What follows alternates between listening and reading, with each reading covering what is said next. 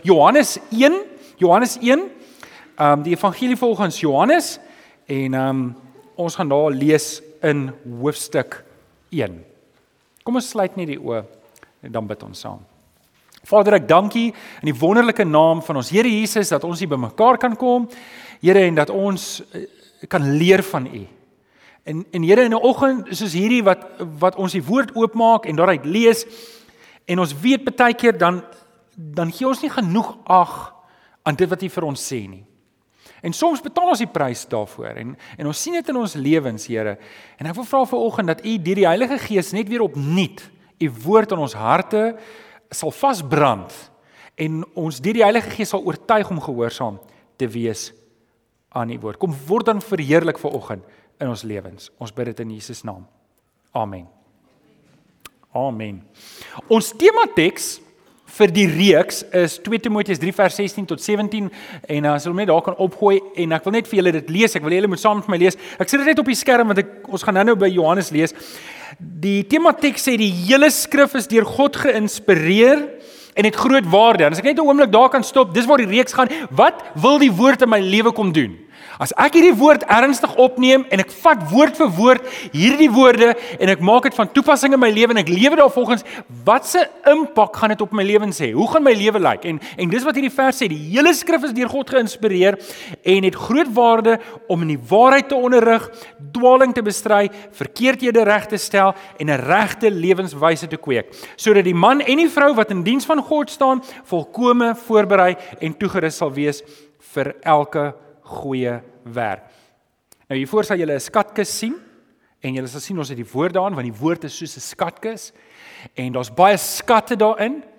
Maar ek moet die moeite doen om in hierdie skatkis in te delf en die woorde van toepassing te maak op my lewe. En ons gaan vooroggend 'n bietjie daaroor gesels. Nou as jy 'n lidmaat is van hierdie gemeente en of jy sal lank in hierdie gemeente kom ons sê dalk 'n jaar plus, sal jy agterkom hierdie is gedurig 'n onderliggende tema in ons gemeente dat die woord vir ons baie belangrik is. Wie van julle kan amen sê daar? Hoor julle dit gereeld? En, en en ons is nog nie klaar daarmee nie. Ons gaan nog lank totdat ons nie meer hier is nie, gaan ons daaroor praat. En ek hoop dit is reg so met jou. En julle sal onthou ons het 'n reeks gedoen, 5 solas. Onthou julle en een van dit was gewees Solo Scriptura. Onthou julle dit? Die woord alleen. Ons het gekyk in die oorlogreeks. Dis maar net 'n paar wat ek noem wat ons daar spesifiek gepraat het. Ek dink Alex het nog daai ene gepreek. Die woord is die swaard. Julle sal dit ook onthou. Dan het ons laas kwartaal gepraat oor die waardes wat ons lewe definieer en daar het ons gepraat oor een van die waardes van ons gemeente is woord of skrifvasheid. Maar dit was lank naweek so min van julle was hier gewees. Julle was of by die dam of by die see of iewers gewees. Um maar die res van ons wat hier was. Ou nou hierdie reeks gaan nou elke Sondag gereeld. Baie Sondae staan ons op en sê dit is my Bybel. Ek is wat dit Ek het Ek kan doen OK, julle onthou dit. So met ander woorde, hierdie is nie 'n nuwe reeks nie, hierdie is nie 'n nuwe tema nie, maar Paulus sê in Filippense seker 6 keer vir my om dieselfde goed vir julle oor en oor en oor te sê is nie vir my 'n probleem nie, is nie vir my 'n las nie. En dit moenie vir julle 'n las wees nie, want dit gee vir julle sekerheid. En dit is regtig wat ek wil doen. Ek wil met met jou praat oor hierdie reeks en ons gaan ons gaan in hierdie reeks dieper delf in die woord wat dit kan doen in ons lewens. En as ek en jy kan verstaan, weet hoe dit werk, dan gaan dit 'n impak hê op ons huwelik. Ouens, regtig. As ek volgens die woord lewe, sny ek 95% van my huweliksprobleme uit. Ek sny 99% van my finansiële probleme uit. Ek sny 'n klomp van my probleme uit. En alhoewel dit alles die impak is van die woord op my lewe, wil ek hê jy moet verstaan, die Bybel is nie 'n selfhelpboek. Die Bybel se intensie is nie om vir my te help om 'n goeie lewe hier op aarde te lewe, net lekker te lewe nie. Alles behalwe. Hierdie boek is bedoel om jou 'n lewendige verhouding met God te bring en dis waar ons begin. Verstaan maak dit sin vir julle. OK, so dis om net ek is net besig om die tafel te dek, maar vir oggend wil ek 3 baie belangrike uitklaringe maak en dis wat op die raam gaan doen. Dis om die tafel te dek vir die reeks. Ek wil 3 baie belangrike uitklaringe maak en ons ons sê dit gereeld vir mekaar, maar ek wil dit nou pertinent sê en ek hoop dit kan 'n impak maak vir jou en op jou lewe ook. Ek persoonlik is baie bekommerd oor die kerk van Christus vandag. Ek is baie bekommerd oor die kerk. Ek is baie bekommerd oor die kerk want ek dink die kerk maak goed op en glo dit en verpak dit en leef dit asof dit die woord van God is. En ek dink baie dinge wat ons doen vandag in die kerk in die algemeen is om 'n kompromie aan te gaan met die woord wat God nie toelaat nie en daarvolgens te lewe. En weet jy, jy sien dit. Jy sien dit in die opvoeding van ons kinders vandag. Jy sien dit in in hoe selfs Christene besigheid doen. Jy sien dit dat daar 'n algehele um gesindheid van weet jy wat, die woord van die Here is meer soos 'n riglyn as wat dit 'n vaste reël is. Die woord van die Here is meer soos 'n, jy weet, 'n voorstel van hoe jy maar kan lewe. Hoor, hier's 'n hier's 'n goeie idee vir jou. Hier's 'n paar idees vir jou en lewe daarvolgens en, "Ey, dalk werk dit vir jou." Maar weet jy wat? As dit nie vir jou werk nie, eh, probeer iets anders. En en ek dink ons doen dit, ons sal dit nie doelbewus sê nie. Ek bedoel mense op Facebook en WhatsApp oor die ek het nog nooit so baie Christelike goed ontvang in my lewe soos op WhatsApp nie. En um en en en tog sien jy dit nie gereflekteer in die werksplek, in die gesinslewe, in die wêreld nie. En en dis die vraag wat ons vra, hoekom is dit nie so nie? En ek dink die rede daarvoor is is ons delf nie regtig in hierdie skatkis en laat toe dat die woord 'n finale impak het op my lewe. En dis waar ek ver oggend met julle wil praat. Nou ons gaan lees in um Johannes Maar voordat ek Johannes lees, wil ek net vinnig agtergrond gee oor Johannes. Weet jy as Johannes lees en jy lees die ander drie evangelies, Markus, ehm um, Matteus en Johan, en Lukas, dan kom jy agter dit verskil dramaties. Byvoorbeeld, wat bekend staan as die Kersverhaal gaan ons vooroggend lees uit Johannes uit en jy gaan sien ons lees nie van Herodes nie, ons lees nie van 'n krib nie, ons lees nie van 'n ster nie. Ons ons lees min van hierdie goeters. Daar's omtrent niks nie. En die rede daarvoor is Matteus, Markus en Lukas fokus op die mens, Jesus. En om dit reg te kry, hulle probeer vir jou sê hierdie mens, Jesus was regtig op die aarde gewees. En daarom sit hulle baie detail. Hulle sit vir jou dit het in Jerusalem gebeur en dit het in Egipte gebeur en daar was 'n engel en daar was her herders en ons 'n klomp getuienis. Hulle fokus op die mense waar Johannes fokus meer op die geestelike. Hy fokus op wie God is en wat God se plan is met Jesus. Aan die een kant Johannes, Matteus, Markus en Lukas probeer vir ons meer vertel van die geskiedenis van wat gebeur het. Waar Johannes probeer vir ons sê hierdie is God se seun en God het 'n plan om ons te red. En ek wil julle net daai agtergrond gee want Miskien het jy dit nie geweet nie en as ons nou gaan lees dan gaan jy dink my wêreld maar dis 'n vreemde Kersverhaal. So ek ek wil jou net voorberei as ons dit lees. OK, Johannes 1 vanaf vers 1. Hier is Johannes se Kersverhaal. Is jy reg daarvoor? In die begin was die woord daar en die woord was by God en die woord was self God. Hy was reeds in die begin by God en alles het deur hom tot stand gekom. Ja, nie 'n enkele ding wat bestaan het sonder hom tot stand gekom nie. In hom was daar lewe en die lewe was die lig vir die mense. Die lig skyn in die duisternis, die duisternis kon dit nie uitdoof nie. Daar was 'n man wat deur God gestuur is. Sy naam was Johannes, dis Johannes die Doper, nie die skrywer nie. Hy hy het gekom om te getuig. Hy moes getuig van die lig sodat almal deur hom tot geloof kon kom. Hy was self nie die lig nie, maar hy moes van die lig getuig. Die ware lig wat elke mens verlig, was aan die kom na die wêreld toe. Hy was in die wêreld, die wêreld het deur hom tot stand gekom en tog het die wêreld hom nie geken nie. Hy het na sy eiendom toe gekom en tog het sy eie mense hom nie aangeneem nie.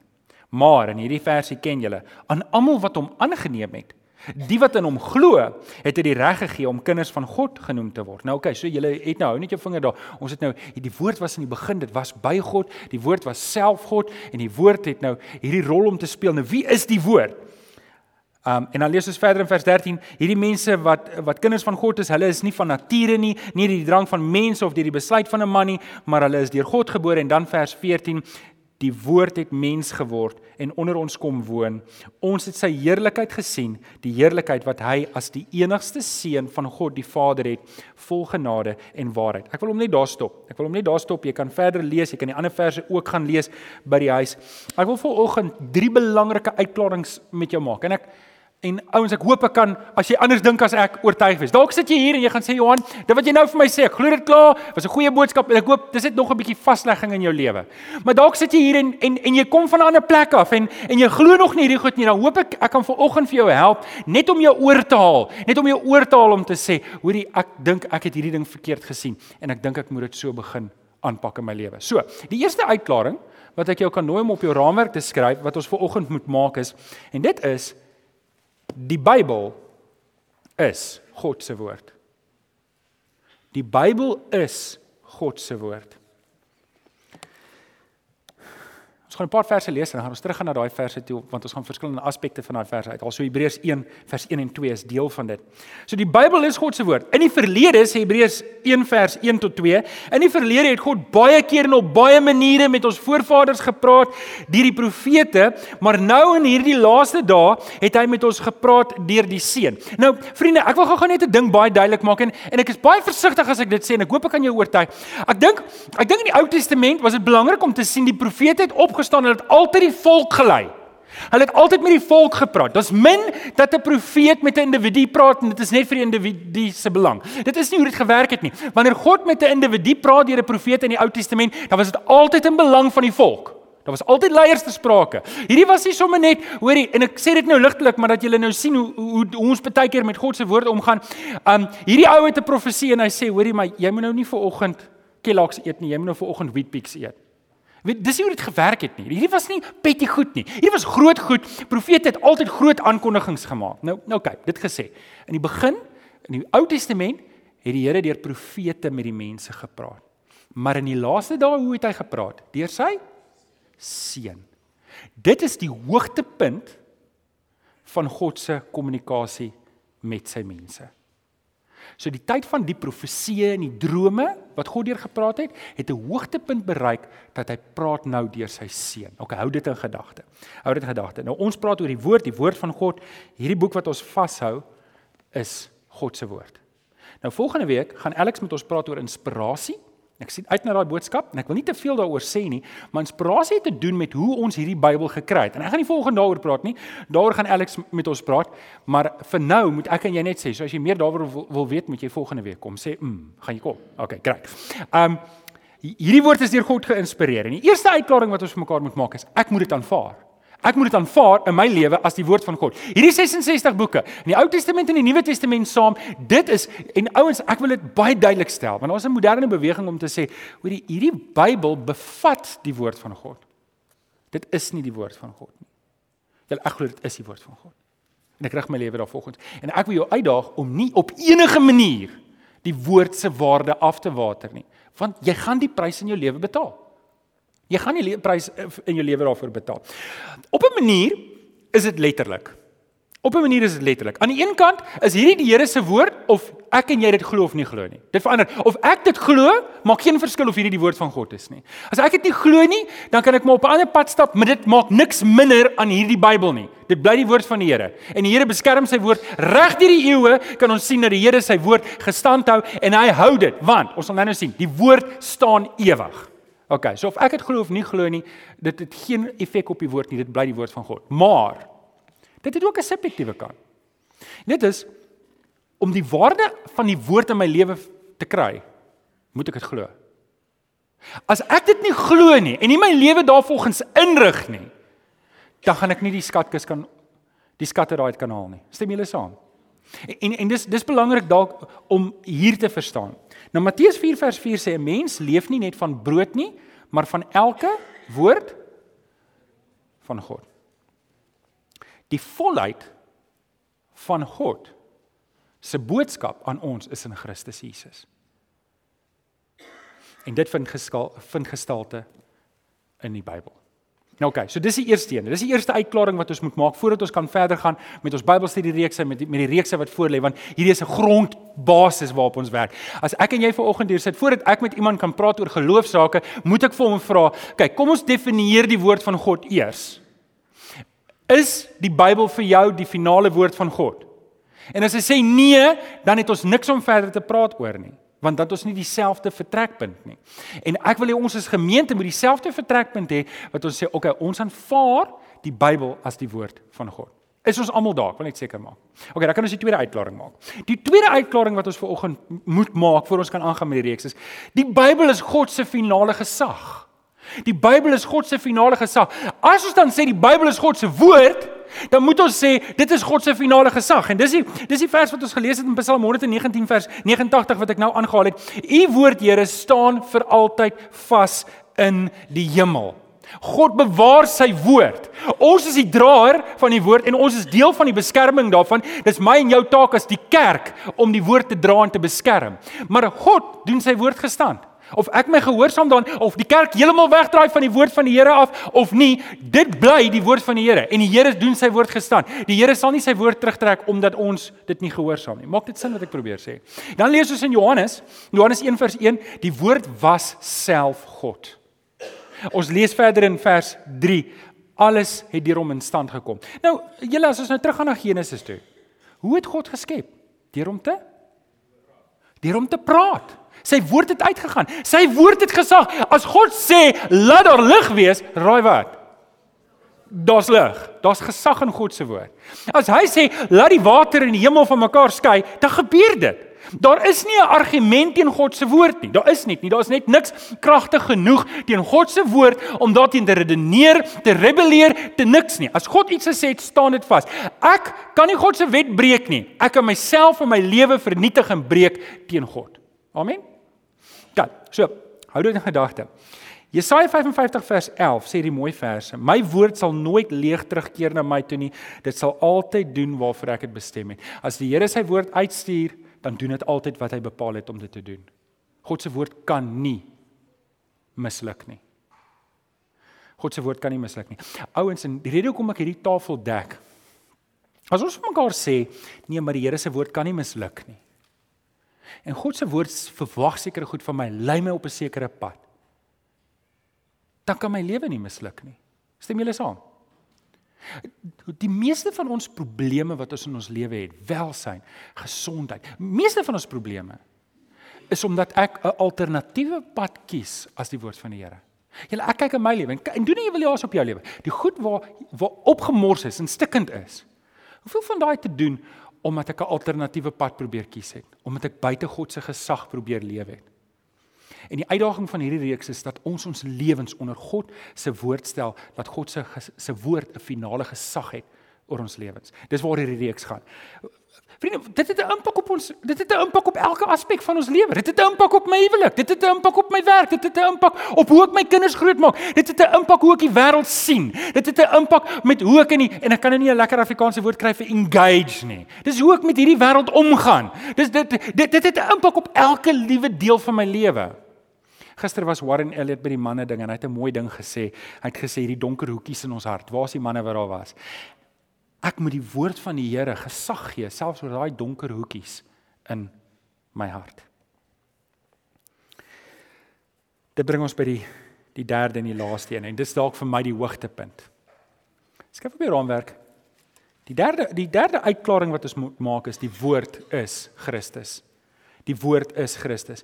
In Johannes 1 vers 14 los ons die woord het mens geword, die logos het mens geword en onder ons kom woon. Ons het sy heerlikheid gesien, die heerlikheid wat hy as die enigste seun van die Vader het, vol genade en en waarheid. Weet julle net so toevallig Johannes 1 en 1 Johannes 1. Johannes begin presies dieselfde. Hy begin sy brief, sy eerste brief aan Johannes begin net presies dieselfde as wat hy sy evangelie begin en hy sê van die begin af in 1 Johannes 1 vers 1, van die begin af was hy daar. Ons het homself gehoor, ons het hom met ons eie oë gesien. Ja, ons het hom gesien en met ons hande aan hom geraak. Hy is die woord en die lewe. Is wonderlik dat Johannes hierdie ding probeer tuisbring. Hy sê ouens, ek het hom met my eie oë gesien. Ek het hom gevat. Ek weet wat ek getuig is die waarheid. Dit dra gesag. Ek het hom gevat. Hy's die woord en hy's die lewe. En en en en dit bring ons op daai punt dat ons moet sê Christus is God se finale openbaring aan ons. Dit is sy woord. Dis sy woord. In die laaste dae sê Hebreërs het hy met ons kom praat deur sy seun. In die ou dae het hy met ons gepraat deur die profete, maar vandag kom praat hy met ons deur sy seun. Weet julle, 2000 jaar terug, toe God die Vader sy seun aarde toe gestuur het, het hy 'n boodskap vir my en jou kom gee. Hy het met ons kom praat. Toe toe sy seun aan die kruis gesterf het, het hy het hy vir ons iets kom sê. God praat, maar hy praat met beelde. Hy praat met beelde. Hy stuur sy seun en sy seun sterf op die kruis om ons te kom red. Hy praat met ons. En wat is dit wat hy vir ons sê? Hy sê ek wil jou red. Ek wil jou my kind maak. Ek wil jou deel maak van iets groter. Hy kom maak die deure oop van die hemel. Hy kom skeer die voorhangsel en hy kom nooi vir my en vir jou in. En ouens en en hierop wil ek nou en ek wil dit na die nagmaaltafel toe deurtrek. Hierop wil ek hê ons moet net vir 'n oomblik stil staan. Hoor gou hierso. En dis dis die groot uitdaging wat ek en jy vir oggend het. En ek wil net die regte woorde kry. Ek en jy kan nie die Here dien op ons eie terme nie. Ek en jy kan nie die Here dien of wat ons besluit is van toepassing. Ek kan nie deur die woord van die Here gaan en sê, "Mm, weet ek hou hiervan." Uh, ek is nog nie hier nie. Kom ons los hierdie eers 'n bietjie. Ek ek hou ek hou hiervan. Hierdie is mooi, maar dis nie vir my nie. En en weet julle, ons doen dit nie. Ons doen dit nie. Ons doen dit nie sodat almal dit agterkom nie, maar tog doen ons dit doen ons dit. Ons doen op die manier hoe ons baie keer lewe en baie keer en weet julle ons betaal die prys. Ons betaal die prys en en baie keer dan kom ons te laat agter hoe lank ons al die prys betaal in ons lewens en en en weet julle wat vir my so jammer. Jy weet wanneer jy wanneer jy by iemand gaan kuier by 'n hospitaalbed wat op sterwe lê wat die Here heeltemal verwerp het en en jy staan daar en jy sien hoe die prys wat hy besig is om te betaal vir die tipe lewe wat hy kies, die tol eis en jy staan daar by hom en die woede en die kwaad wat daai persoon het vir God het dan verstom dit my hoe ons baie keer redeneer. Die Here gee vir ons hierdie pad. Hy gee vir ons die regte pad. Hy sê my kind volg hierdie pad. En nou ek praat nie nou van ongelowiges nie. Ek praat nou van kinders van die Here. Volg hierdie pad.